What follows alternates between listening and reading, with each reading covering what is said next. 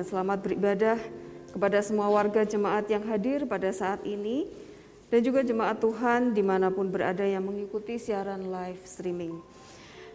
Mari kita mempersiapkan diri dan hati kita untuk mengikuti ibadah pada hari ini. Bersama ini kami informasikan beberapa portalisan sebagai berikut. Yang pertama, Sakramen perjamuan kudus dilaksanakan dalam ibadah umum on-site terbatas pada hari Minggu 16 Januari 2022 di GKI Gejayan dan di The Grace. Persiapan perjamuan kudus dilaksanakan pada hari Kamis 13 Januari 2022 dalam persekutuan keluarga wilayah secara online. Yang kedua, katekisasi kelas baru akan dimulai pada hari Senin 24 Januari 2022 pukul 17.00 WIB secara onsite. Pendaftaran di kantor gereja melalui WA kantor ataupun nomor telepon kantor pada setiap hari kerja. Ketiga, dalam kebaktian hari ini kita akan bersama-sama memberikan persembahan syukur bulanan. Yang keempat, Tim Diakonia Transformatif melalui Depot Tetulung mengajak Bapak, Ibu, Saudara untuk berbagi kasih dengan sahabat Tetulung melalui Depot Tetulung dengan cara menjadi donatur untuk aksi diakonia dalam bentuk dana, natura atau sembako, ataupun pakaian bagus pakai. Donasi bisa disampaikan melalui kantor Pondok Tetulung ataupun transfer. Jemaat dapat melihat warta jemaat dan katalog tetulung secara lengkap dengan melihat akun atau link media sosial GKI Gejayan. Ibadah pada hari ini dengan tema ibadah dibaptis dengan roh dan api, pelayan firman pendeta emeritus Yanti Dirja dari GKMI Yogyakarta. Sebelum masuk saat teduh, mari kita menyaksikan video persembahan pujian dari Pasutri Akwila Priskila berikut ini.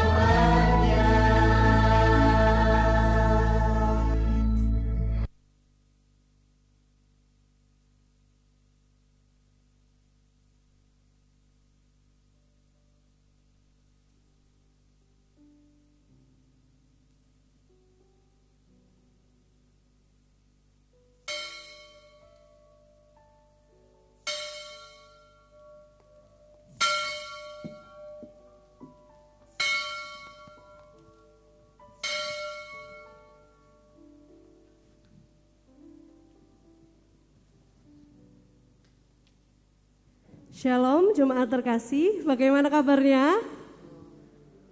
Luar biasa, sekali lagi bagaimana kabarnya? Luar biasa, kami juga menyapa bagi Bapak Ibu jemaat yang beribadah melalui live streaming atau Zoom meeting, selamat beribadah bersama dengan kami. Sungguh berkat perkenaan Tuhan, kita boleh beribadah kembali bersama.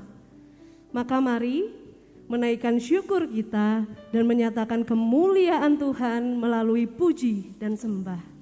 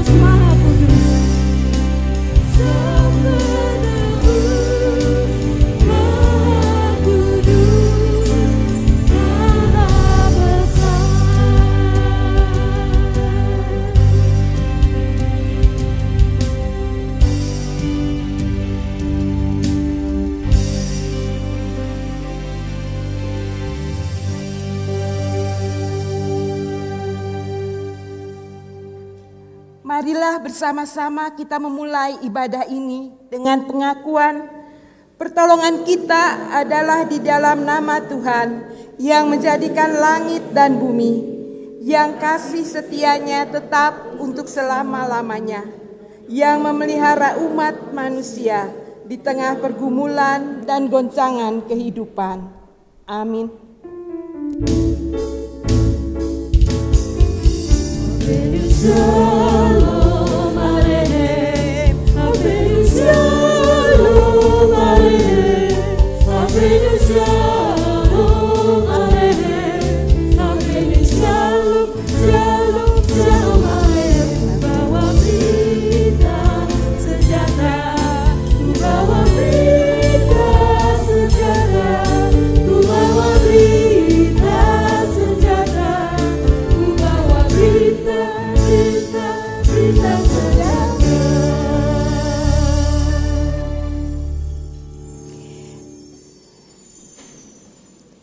Shalom, Bapak Ibu yang mengikuti ibadah ini dari rumah secara khusus yang mengikuti Zoom.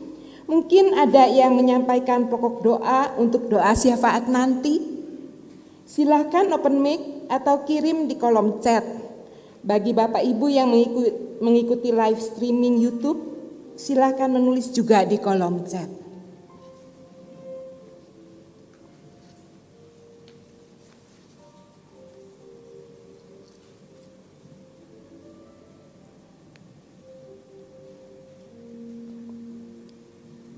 Mari kita melanjutkan ibadah kita.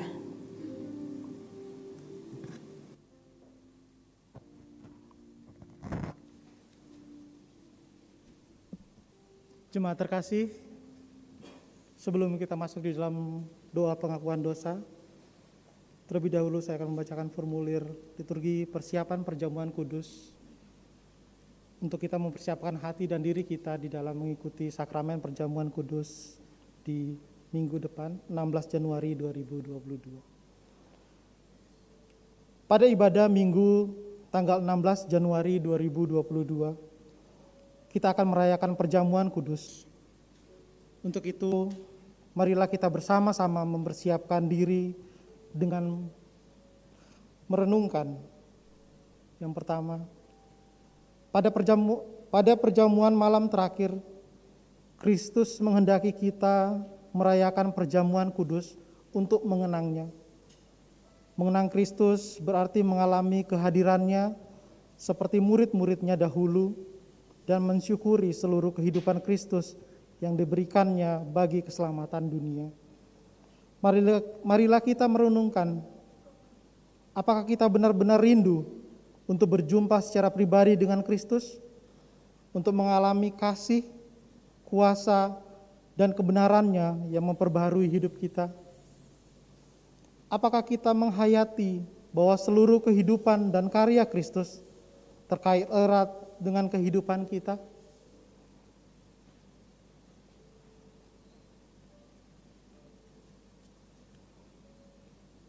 Yang kedua,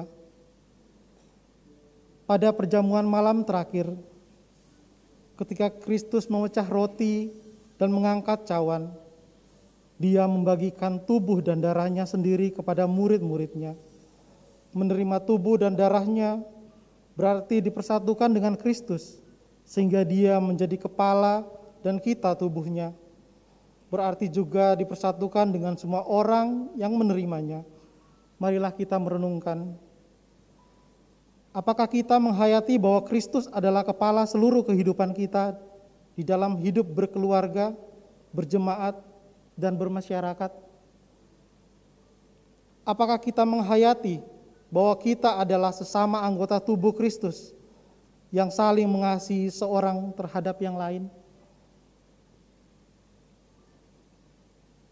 Ketiga, kita pun dipersatukan dalam kematian dan kebangkitan Kristus, roti hidup yang dipecah-pecahkan bagi dunia ini. Itu berarti diutus untuk mengosongkan dan menyangkal diri, memikul salib, dan mengikut Kristus untuk memberi hidup kita demi keselamatan dunia. Marilah kita merenungkan, apakah dalam persekutuan dengan Kristus kita mau berkorban dan menjadi berkat bagi sesama? Apakah kita kita telah menjadi mata dan telinga bagi Kristus? yang melihat dan mendengarkan serta peduli terhadap kebutuhan dan masalah sesama? Sudahkah kita menjadi mulut bagi Kristus yang menyuruhkan kebenaran dan keadilan? Sudahkah kita menjadi tangan bagi Kristus yang berkarya memperjuangkan damai sejahtera di muka bumi ini? Kiranya Roh Kudus menolong kita semua dalam mempersiapkan diri untuk merayakan perjamuan kudus pada tanggal 16 Januari 2022. Bapak Ibu mari kita berdoa.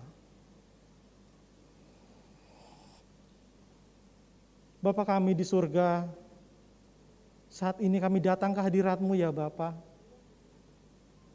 Kami datang tertunduk dengan rasa malu ya Bapak. Karena kami sadar di dalam kami melalui kehidupan yang Engkau percayakan kepada kami Bapak. Justru kami sering berbuat dosa ya Bapak. Seringkali kami mencela sesama kami kami menghujat sesama kami. Iri, dengki, terkadang timbul di hati kami ya Bapak. Yang tanpa kami sadari, kelakuan kami sungguh mendukakan hati Tuhan. Oleh karena itu ya Bapak saat ini kami datang ke hadiratmu. Kami memohon ampun ya Bapak atas dosa-dosa kami. Kiranya Tuhan berkenan mengampuni dosa-dosa kami dan melayakan kami untuk kami boleh mengikuti ibadah ini dan juga sakramen perjamuan kudus di minggu depan. Terima kasih ya Tuhan. Inilah doa kami yang kami panjatkan di dalam putramu Yesus Kristus, Tuhan dan Juru Selamat kami yang hidup. Amin.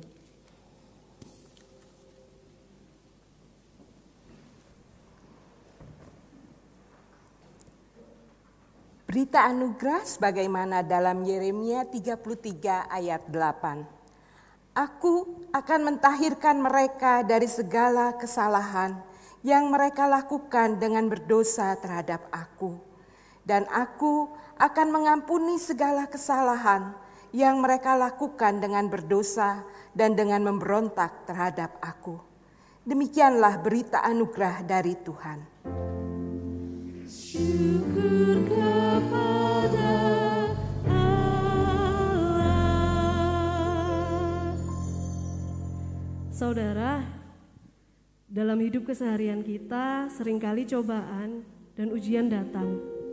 Namun bersama dengan dia sang sumber kekuatan, kita boleh memaknai setiap pencobaan sebagai cara Tuhan untuk menyelidiki hati kita dan memperbaharui pribadi kita. Mari naikkan keyakinan kita atas kekuatan Tuhan dalam tiap pencobaan di hidup kita.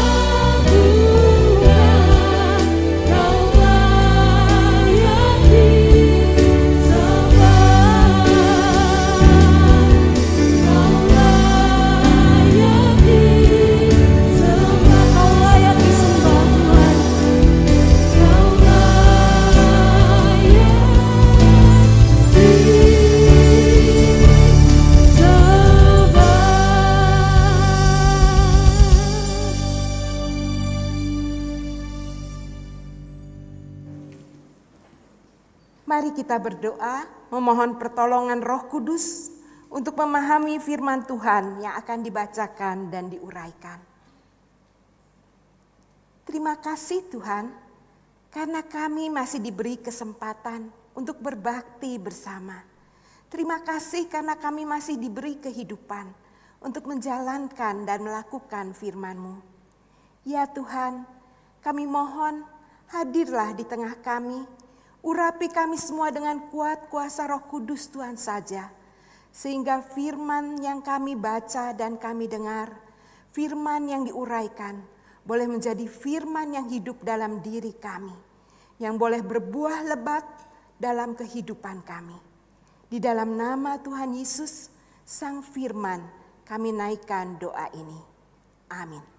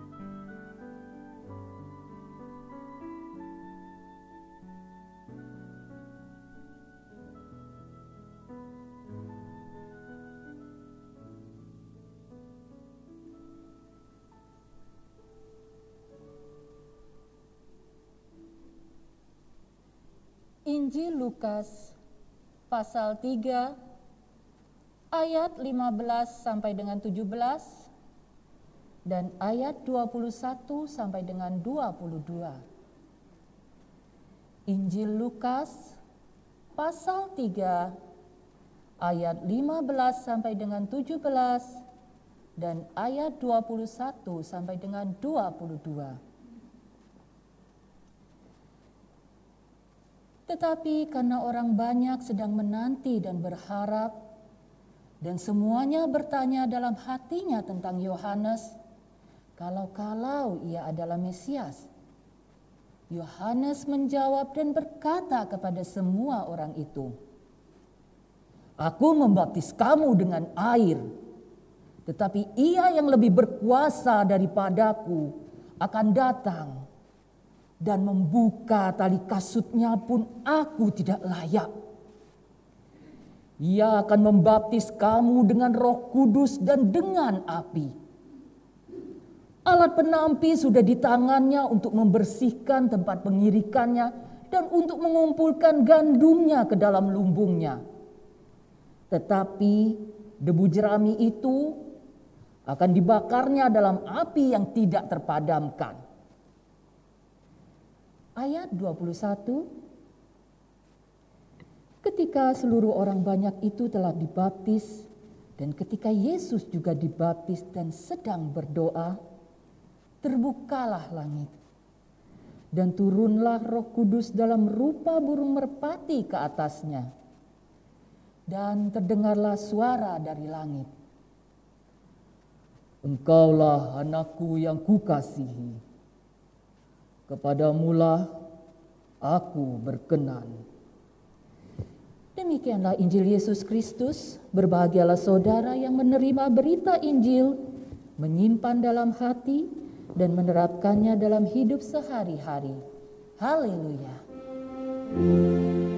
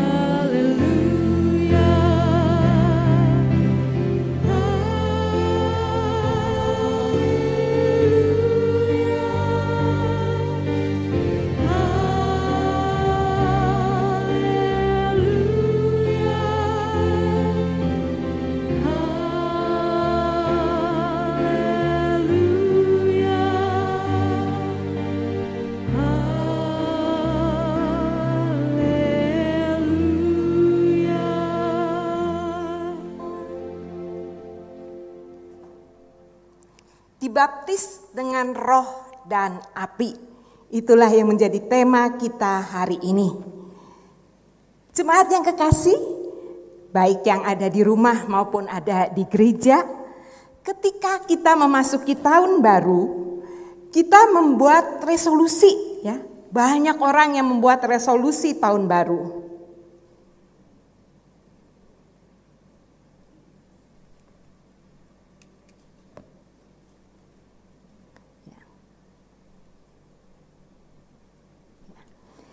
Banyak orang membuat resolusi tahun baru ya. Ada yang pengen tahun ini saya mesti lulus kuliah ya.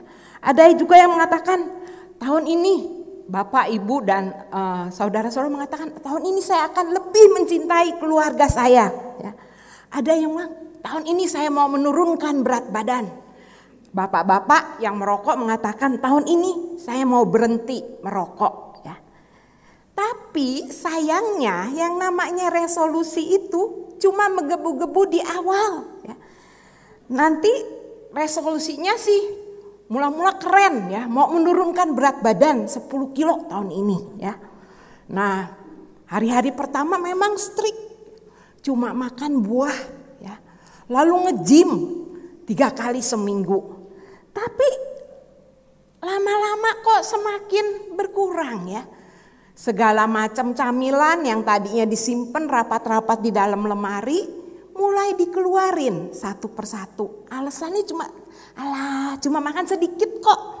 Tapi yang sedikit-sedikit itu sering ya. Lama-lama bukannya cuma sedikit, sedikitnya sering bolak-balik lagi ya. Nah, akhirnya diet yang bertujuan untuk menurunkan 10 kilo berat badan tidak pernah tercapai. Ya, namanya memang membuat resolusi itu mudah. Tapi untuk menepatinya ya kita harus punya komitmen yang lebih besar dan disiplin yang kuat untuk bisa mewujudkan keputusan itu menjadi kenyataan. Resolusi harus disertai dengan tekad dan komitmen dan juga disiplin. Nah, kalau hari ini kita memperingati tentang baptisan Yesus dan kisah pembaptisan Yesus yang sudah dibaca dalam Injil Lukas tadi, kan menarik kalau kita baca dalam ayat-ayat sebelumnya itu ada keterangan di ayat yang ketiga dan keenam. Maka datanglah Yohanes ke seluruh daerah Yordan, menyerukan, bertobatlah dan berilah dirimu dibaptis, dan Allah akan mengampuni dosamu, dan semua orang akan melihat keselamatan yang dari Tuhan. Wah, seruan Yohanes Pembaptis ini mendapat tanggapan positif. Dikatakan ada banyak orang yang datang bertobat dan minta dibaptis oleh Yohanes. Tapi yang mengejutkan kepada orang banyak yang datang minta dibaptis ini, Yohanes malah mengatakan dengan keras, "Hai kamu, keturunan ular beludak, siapakah yang mengatakan kepada kamu melarikan diri dari murka yang akan datang? Jadi, hasilkanlah buah-buah yang sesuai dengan pertobatan, dan janganlah berpikir dalam hatimu, Abraham adalah bapa kami." Karena aku berkata kepadamu, Allah dapat menjadikan anak-anak bagi Abraham dari batu-batu ini. Kata-kata Yohanes Pembaptis sangat keras ya. Bapak ibu saudara-saudara bayangin kalau kita datang minta dibaptis malah bilang eh kamu keturunan ular beludak. Loh saya ini niatnya baik kok mau dibaptis ya. Tapi kok dikatakan seperti ini. Ternyata di sini Yohanes ingin memperingatkan kepada mereka bahwa keselamatan dari Tuhan itu bukan seperti harta warisan. Jangan mentang-mentang mereka ini keturunan Abraham, orang Israel, bisa menganggap bahwa keselamatan itu akan datang otomatis seperti warisan yang diturunkan turun temurun. Ya. Tanpa usaha apa pun karena saya keturunan Abraham, maka saya mendapat keselamatan. Oh no, kata Yohanes, tidak. Keselamatan memang anugerah yang diberikan oleh Tuhan, tapi harus dikerjakan terus-menerus di dalam kehidupan orang-orang percaya. Harus diwujudkan dalam buah-buah pertobatan yang nyata dan konkret dalam kehidupan sehari-hari. Bukan hanya dibaptis, tapi so what ya apa yang sesudah itu. Itulah sebabnya kepada orang banyak Yohanes mengatakan, barang siapa punya dua helai baju, hendaklah ia membaginya dengan yang tidak punya.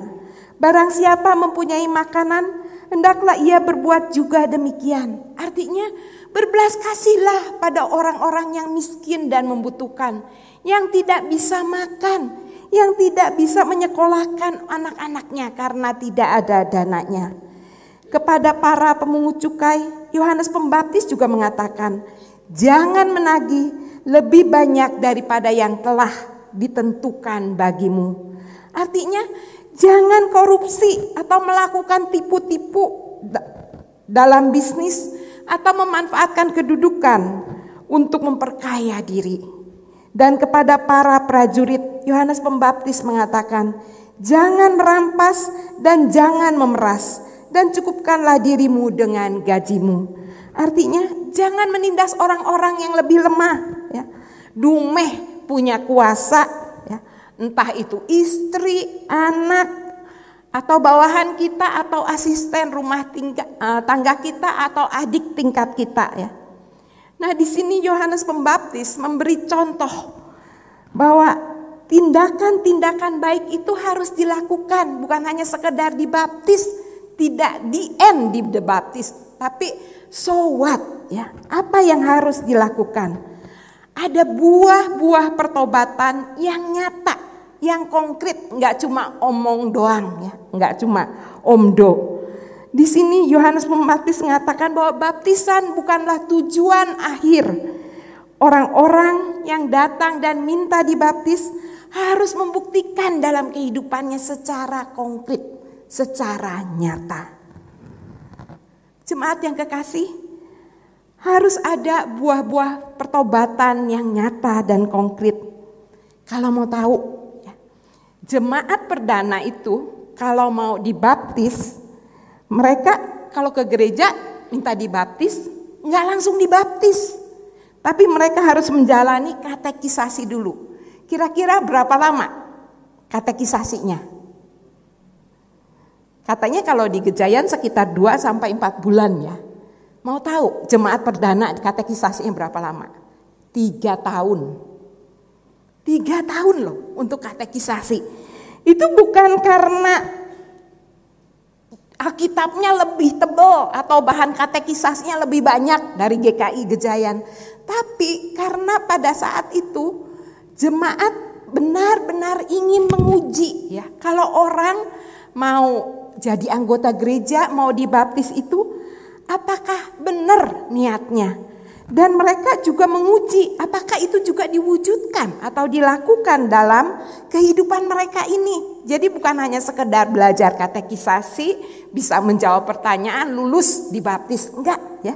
Harus ditunjukkan dalam buah-buah pertobatan. Di sini harus nyata dan enggak cuma sebentar, tiga tahun diamati untuk itu. Jadi benar-benar ya Benar-benar nggak bohong-bohongan. Kalau cuma sebentar kan bisa bohong-bohongan, tapi ini tiga tahun ya. Di sini kita melihat bahwa baptisan itu bukan sekedar status atau identitas, oh saya sudah jadi orang Kristen, anggota GKI Gejayan.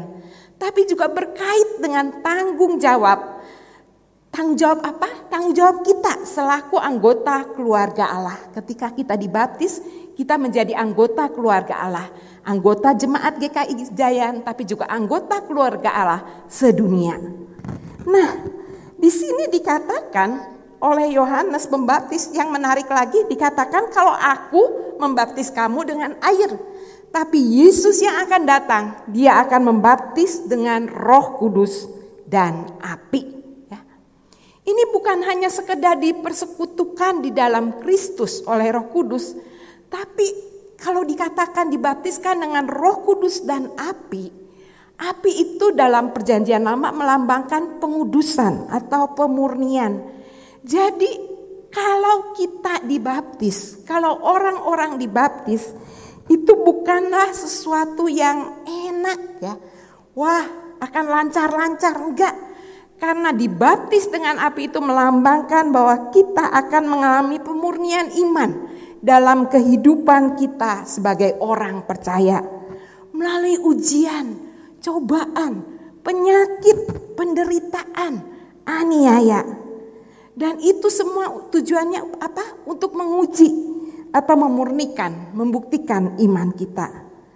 Karena itu jemaat yang kekasih jangan harap ya kalau oh nanti kalau saya dibaptis hidup saya akan lancar ya. Studi saya akan lulus dengan cum laude ya jabatan saya akan naik. Kalau orang lain terkena COVID, saya karena orang Kristen akan terbebas dari COVID. Tidak. Kalau orang lain mengalami kesulitan pada masa-masa COVID dalam usahanya, saya akan bebas lancar, malah berkali-kali lipat untungnya. Tidak. Ya. Namanya jadi orang Kristen, namanya dibaptis, tetap kita juga mengalami kesulitan dalam kehidupan sehari-hari. Kita tidak dapat hak istimewa, ya mentang-mentang anak Tuhan lalu bebas dari semuanya. Tidak. Kita tetap mengalami semua itu. Bahkan dikatakan di sini justru karena kita anak Tuhan, kita mengalami penderitaan di dalam Dia. Ya. Kita mengalami kesulitan di dalam Dia. Itu bukan karena kesalahan atau dosa kita, tapi karena kita jadi anak Tuhan. Karena kita jadi pengikut Tuhan.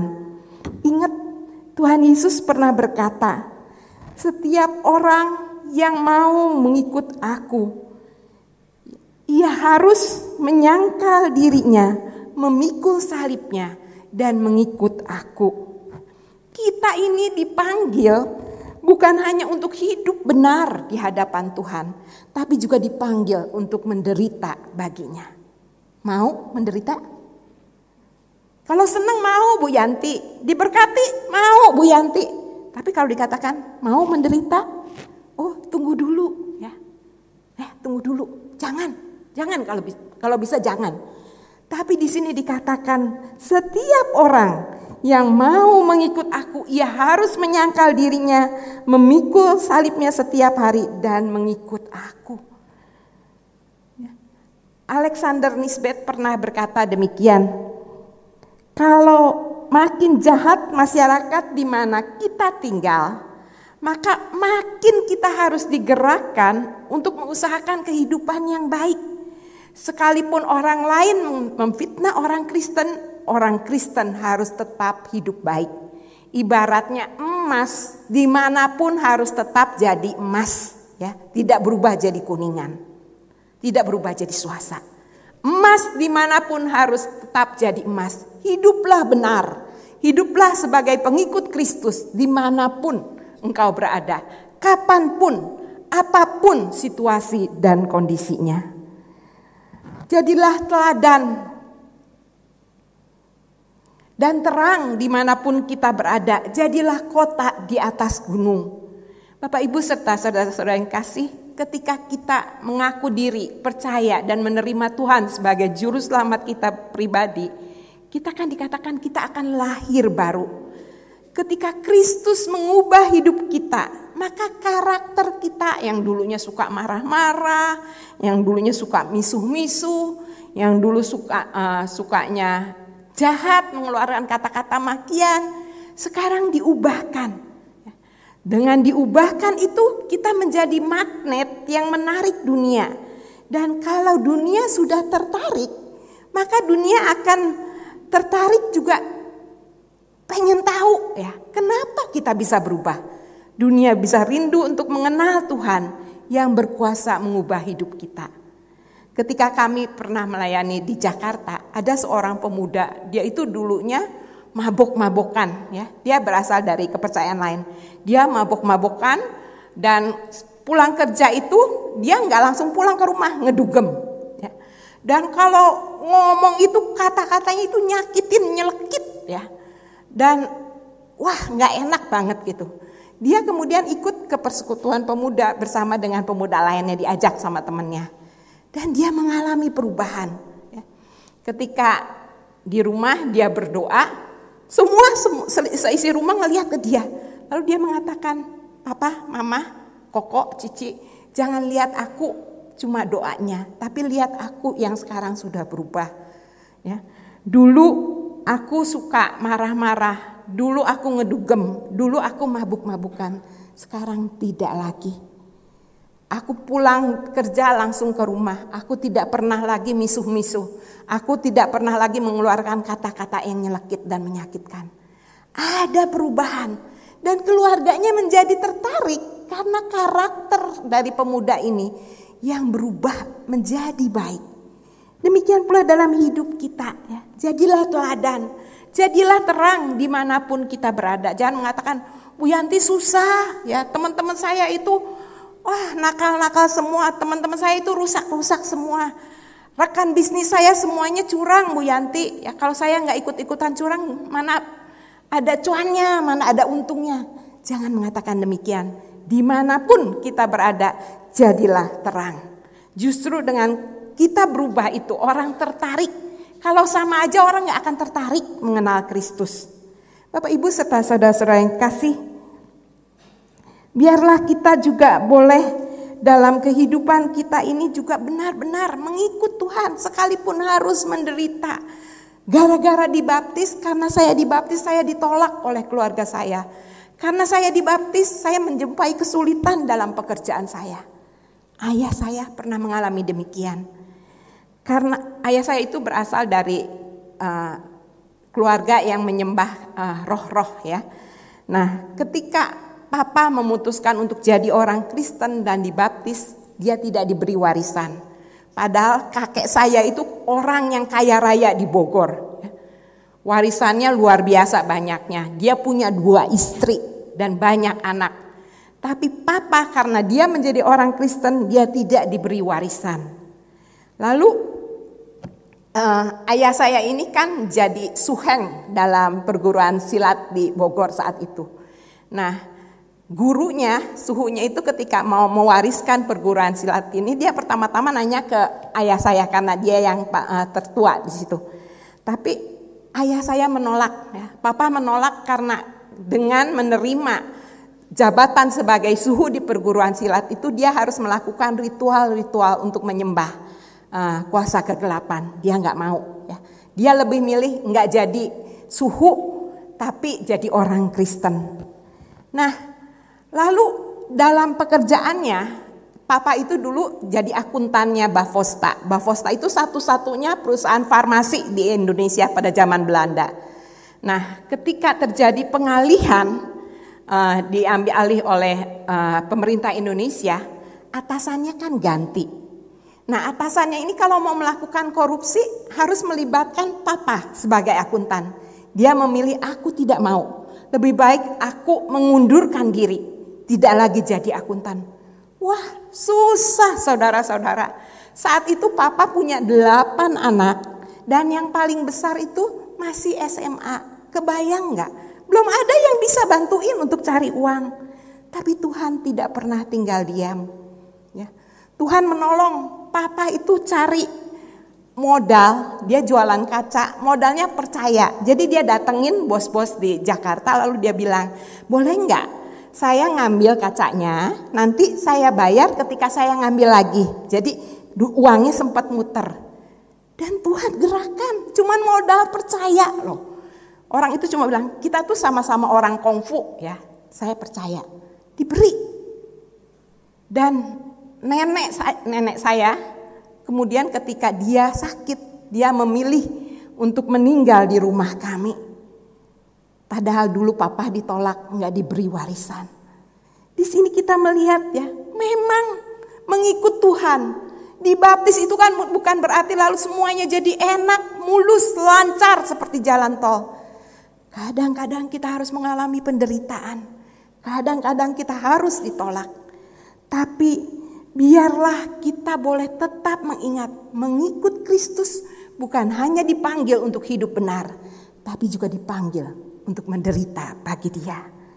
Dan yang menarik, Bapak Ibu serta saudara-saudara yang kekasih, dikatakan di sini dalam Lukas, ya, maaf, dikatakan di sini dalam Lukas itu dikatakan mengikut aku setiap hari, ya, setiap hari loh, bukan sesekali. Itu berarti komitmen seumur hidup. Nggak bisa hari ini setia jadi anak Tuhan, besok jadi anak setan. Nggak bisa ya, setiap hari. Itu komitmen seumur hidup ya. Dan itu kita lakukan dalam suka maupun duka. Mengikut Tuhan ketika saya diberkati, mengikut Tuhan ketika saya juga dihujat. Mengikut Tuhan ketika saya sehat, mengikut Tuhan ketika saya sakit, mengikut Tuhan ketika saya sukses, mengikut Tuhan ketika saya gagal. Pendeta Eka Dharma Putra pernah mengatakan demikian. Menjadi seorang Kristiani dan dibaptis bukanlah puncak, klimaks atau tujuan akhir dari kehidupan orang percaya. Menjadi seorang Kristiani dan dibaptis hanyalah sebuah awal dari suatu perjalanan yang panjang dan lama Permulaan dari suatu perjuangan yang menuntut kesungguhan, kekuatan, daya juang, dan daya tahan. Saudara, kita semua belum sampai pada titik akhir dari hidup kita. Kita semua masih dalam perjalanan. Oleh sebab itu, sungguh-sungguhlah punya komitmen, punya tekad dan disiplin seumur hidup kita. Kita masih dalam perjalanan oleh sebab itu tetap berjuang ya. Tetap punya semangat, punya kekuatan. Ada saatnya mungkin kita ingin menyerah, aduh Tuhan capek, sakit, menderita. Tapi jangan menyerah. Mungkin kita berhenti, bersandarlah pada Tuhan. Mohon kekuatan dari Tuhan, tapi jangan pernah menyerah, apalagi berbalik kepada kehidupan yang lama. Ingatlah bahwa kita tidak pernah berjuang sendiri. Kita diberi kekuatan dalam perjalanan kita. Ada kekuatan dari Roh Kudus yang terus menyertai kita. Kalau dikatakan kita dibaptis di dalam Roh Kudus, ada Roh Kudus yang terus berada di dalam kita, memberikan iman, memberikan kekuatan kepada kita. Selain itu, kita juga tidak sendiri, ada komunitas orang percaya sesama jemaat GKI Gejayan, sesama anak-anak Tuhan di mana pun kita berada. Kita tidak berjuang sendiri. Ada saudara-saudara yang mendukung, menguatkan kita. Ada roh kudus yang terus bekerja di dalam diri kita. Oleh sebab itu, saudara-saudaraku yang kasih, biarlah kita tetap setia, mengasihi, mengikut dan melayani Tuhan apa pun yang terjadi. Ingatlah, mengikut Tuhan itu harus setia sampai akhir Jangan hanya giat ketika katekisasi dan mau menjalankan baptisan, tapi harus dipertahankan, tidak melempem atau mogok di tengah jalan, apalagi berbalik di tengah jalan. Mengikut Yesus itu harus setia sampai akhir dalam perjalanan yang lama dan panjang, dan tetap mempertahankan semangat, tetap melayani apa pun yang terjadi. Ketika dipuji-puji atau dimaki-maki, tetap mengikut Yesus, tetap melayani, tetap menjadi saksi dan berkat Tuhan di mana pun kita berada. Dan biarlah di awal tahun ini kita boleh punya resolusi bukan hanya untuk tahun ini, tapi untuk seumur hidup kita. Resolusi untuk tetap setia kepada Tuhan dalam segala keadaan dan tetap jadi berkat sampai akhir hidup kita. Amin.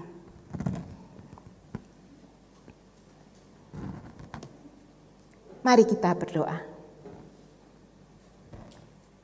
Terima kasih ya Tuhan, karena di hari ini kembali kami diingatkan akan panggilan kami untuk mengikut Tuhan dengan setia, mengikut Tuhan dengan tidak pernah menyerah, mengikut Tuhan dengan tekad dan komitmen dan disiplin diri mengikut Tuhan sampai akhir hidup kami. Tuhan, tolong kami agar kami tidak hanya puas ketika kami dibaptis, ketika kami diangkat menjadi majelis, ketika kami dipercayakan untuk melakukan tugas-tugas pelayanan. Tapi biarlah kami boleh tetap setia melayani Tuhan, menjadi berkat, mengikut Tuhan sampai akhir hidup kami. Apa pun yang terjadi dalam hidup kami, entah itu penderitaan, kesulitan, sakit penyakit, ataupun aniaya, biarlah kami boleh tetap setia mengikut Tuhan. Bersama Tuhan, dengan kekuatan dari roh kudus Tuhan, dengan dukungan dari saudara-saudara seiman kami bisa Tuhan melakukan itu. Perjalanan iman kami sekalipun mungkin masih lama dan panjang. Biarlah kami boleh tetap setia mengikut Tuhan. Saat ini Tuhan, kami juga bersama-sama berdoa. Menyerahkan segala pergumulan-pergumulan kami. Kalau ada banyak di antara kami yang mengalami kehilangan karena pandemi dari COVID-19 ini. Kalau ada di antara kami juga yang mengalami kesulitan dalam usaha dan pekerjaan. Kalau ada di antara kami yang juga kesulitan dalam studi. Kami percaya Tuhan, kami tidak sendirian. Ada Tuhan. Kami mau Tuhan melewati semua itu. Bersama Tuhan, berjuang. Bersama Tuhan, tidak pernah menyerah. Bersama Tuhan, kami juga boleh tetap setia sampai akhir mencapai apa yang kami cita-citakan. Tuhan, tolong kami agar kami boleh tetap setia dan menjadi berkat dalam kehidupan kami sampai akhir hidup kami. Saat ini kami juga berdoa untuk pemerintah, bangsa, dan negara kami. Tuhan kami mohon hikmat dalam menjalankan pemerintahan dengan adil dan melakukan semua ini juga dengan takut akan Tuhan. untuk mewujudkan masyarakat yang sejahtera dan damai. Tuhan berikan komitmen kepada para pejabat dalam melakukan semua itu. Dan biarlah semuanya itu juga boleh mendatangkan kebaikan bagi seluruh bangsa Indonesia. Kami berdoa untuk para peneliti yang mengusahakan vaksin maupun juga obat untuk COVID-19 ini. Memohon hikmat daripada Tuhan sehingga dapat ditemukan obat dan vaksin dan Tuhan tolong supaya variannya tidak berkembang tapi boleh menghilang Tuhan. Dan tolong kami semua juga Tuhan agar kami juga boleh menjaga itu. Menjaga diri kami dengan mentaati uh, prokes dalam kehidupan. Agar kami tidak menjadi penyebar tapi kami boleh menjaga kesehatan semua orang. Tuhan, kami juga memohon berkat Tuhan untuk vaksinasi yang dilakukan. Biarlah boleh mencapai target dan banyak orang yang boleh divaksin dan boleh menerima itu juga dengan baik. Tubuhnya juga boleh tetap sehat. Tuhan, kami berdoa untuk anak-anak yang sudah mulai masuk sekolah, mulai masuk kuliah kembali di kampus maupun di sekolah-sekolah. Memohon Tuhan juga melindungi mereka, guru-guru, dan semua staf yang berada di sekolah maupun di kampus. Menjagai anak-anak kami ini. Tuhan, kami juga berdoa untuk pelayanan dari GKI Gejayan. Memohon Tuhan sendiri yang memberkati dan menyertai. Sehingga GKI Gejayan boleh menjadi berkat dan saksi Tuhan di mana pun berada dan boleh memberikan yang terbaik bagi Tuhan. Kami berdoa untuk pembentukan kepanitiaan Paskah dan jemaat yang terlibat di dalamnya. Memohon Tuhan sendiri juga yang memberkati. Tuhan juga menolong setiap orang yang terlibat dalam kepanitiaan ini. Boleh bekerja dengan penuh sukacita. Dan boleh dalam bekerja ini juga saling mendukung satu sama lain. Boleh kompak dan boleh melayani Tuhan melalui apa yang telah dipercayakan kepada mereka. Kami berdoa untuk jemaat. Kami bersyukur Tuhan untuk penyertaan dan kasih Tuhan dan pemeliharaan Tuhan kepada kami semua. Dan kami boleh melewati dua tahun masa-masa pandemi ini. Dan kami boleh kembali beribadah. Tuhan terima kasih untuk penyertaan dan pemeliharaan Tuhan yang telah menolong kami melewati segala kesulitan dalam masa-masa pandemi ini. Dan kami juga yakin bahwa Tuhan akan tetap menyertai dan menolong kami dalam masa-masa yang akan datang. Tuhan, kami juga berdoa memohon pemulihan bagi saudara-saudara kami yang sakit dan lemah tubuh. Mohon Tuhan berikan kekuatan dan kesembuhan. Tuhan juga memberkati orang-orang yang mendampingi dan merawat dengan kasih, kesabaran, pengertian, dan kebijaksanaan daripada Tuhan. Tuhan, tolong kami semua juga dalam kehidupan kami sehari-hari, agar kami juga boleh menjadi saksi dan terang Tuhan di mana pun kami berada. Di sekolah, di kampus, dalam usaha dan pekerjaan, dalam keluarga dan masyarakat di mana Tuhan tempatkan kami. Terima kasih Tuhan, terima kasih. Kami naikkan doa ini di dalam nama Tuhan yang telah mengajar kami berdoa. Bapa kami yang di surga, dikuduskanlah namamu, datanglah kerajaanmu, jadilah kehendakmu di bumi seperti di surga. Berilah kami pada hari ini makanan kami yang secukupnya, dan ampunilah kami akan kesalahan kami, seperti kami juga mengampuni orang yang bersalah pada kami dan janganlah membawa kami ke dalam pencobaan, tetapi lepaskanlah kami daripada yang jahat.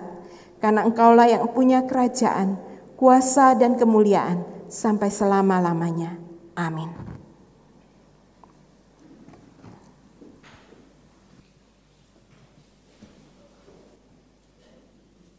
Bapak Ibu terkasih, baik yang saat ini beribadah di gedung gereja ini, di ruang Roma, Galilea, di Taman Eden, maupun beribadah di rumah masing-masing secara daring. Mari bersama-sama orang percaya kita ikrarkan kembali pengakuan iman rasuli kita dengan bersama-sama mengucapkan demikian. Aku percaya kepada Allah, Bapa yang Maha Kuasa, Khalid langit dan bumi, dan kepada Yesus Kristus, anaknya yang tunggal Tuhan kita, yang dikandung dari roh kudus, lahir dari anak darah Maria, yang menderita sengsara, di bawah pemerintahan Pontius Pilatus, disalibkan, mati dan dikuburkan, turun ke dalam kerajaan maut. Pada hari yang ketiga, bangkit pula dari antara orang mati, naik ke surga, duduk di sebelah kanan Allah, Bapa yang Maha Kuasa, dan dari sana ia akan datang untuk menghakimi orang yang hidup dan yang mati. Aku percaya kepada Roh Kudus, gereja yang kudus dan am, persekutuan orang kudus, pengampunan dosa, kebangkitan orang mati, dan hidup yang kekal. Amin. Dipersilakan duduk kembali.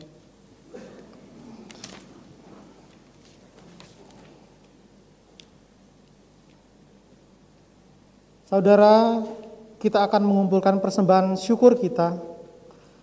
Di dalam kesempatan ini, kami mempersilahkan jemaat untuk scan barcode QRIS di bangku jemaat, sedangkan persembahan tunai dikumpulkan sebelum atau sesudah ibadah ini.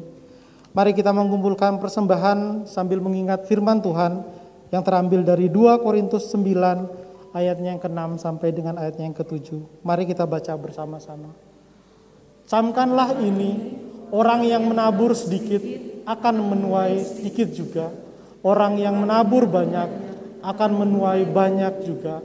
Hendaklah masing-masing memberikan menurut kerelaan hatinya, jangan dengan sedih hati atau karena paksaan, sebab alam mengasihi orang yang memberi dengan sukacita.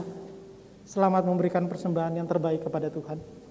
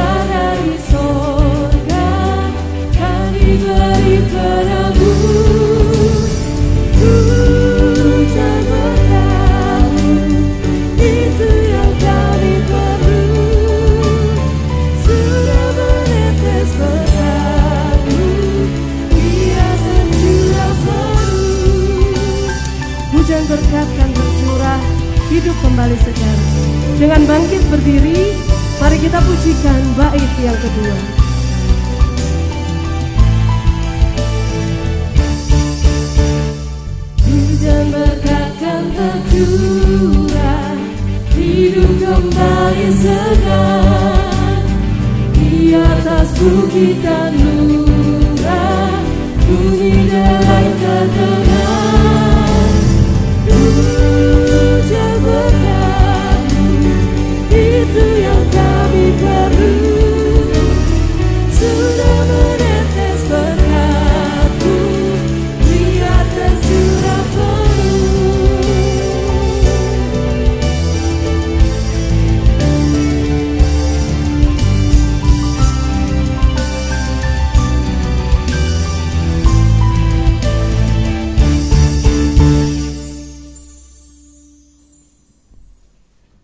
Bapak, Ibu, dan Saudara, mari kita membawa persembahan kita ke dalam doa.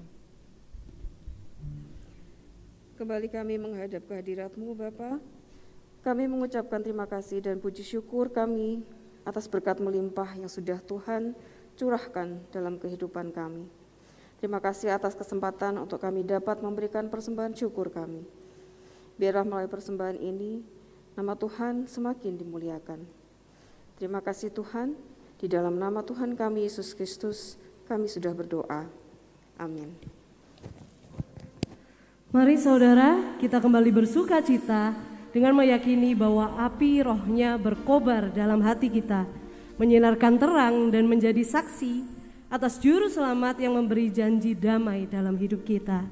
Nyatakan sukacita dan kobaran api rohnya dalam diri kita.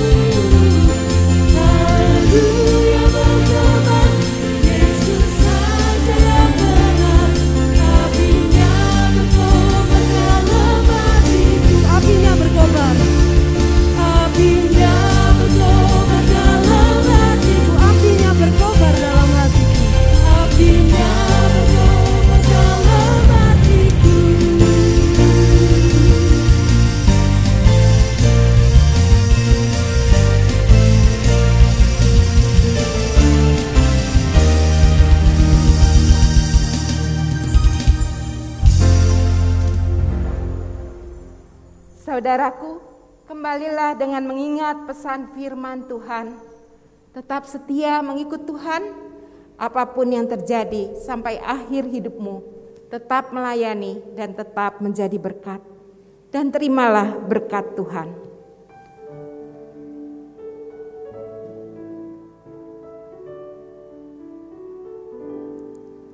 Kasih Tuhan mengingat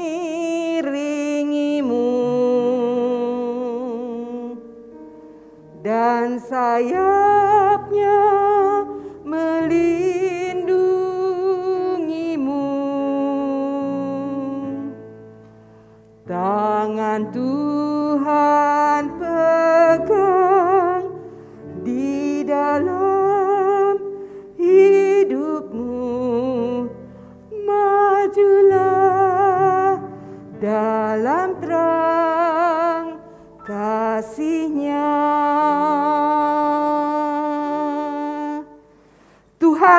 memberkati engkau dan melindungi engkau. Tuhan menyinari engkau dengan wajahnya dan memberi engkau kasih karunia. Tuhan menghadapkan wajahnya kepadamu dan memberi engkau damai sejahtera. Amin.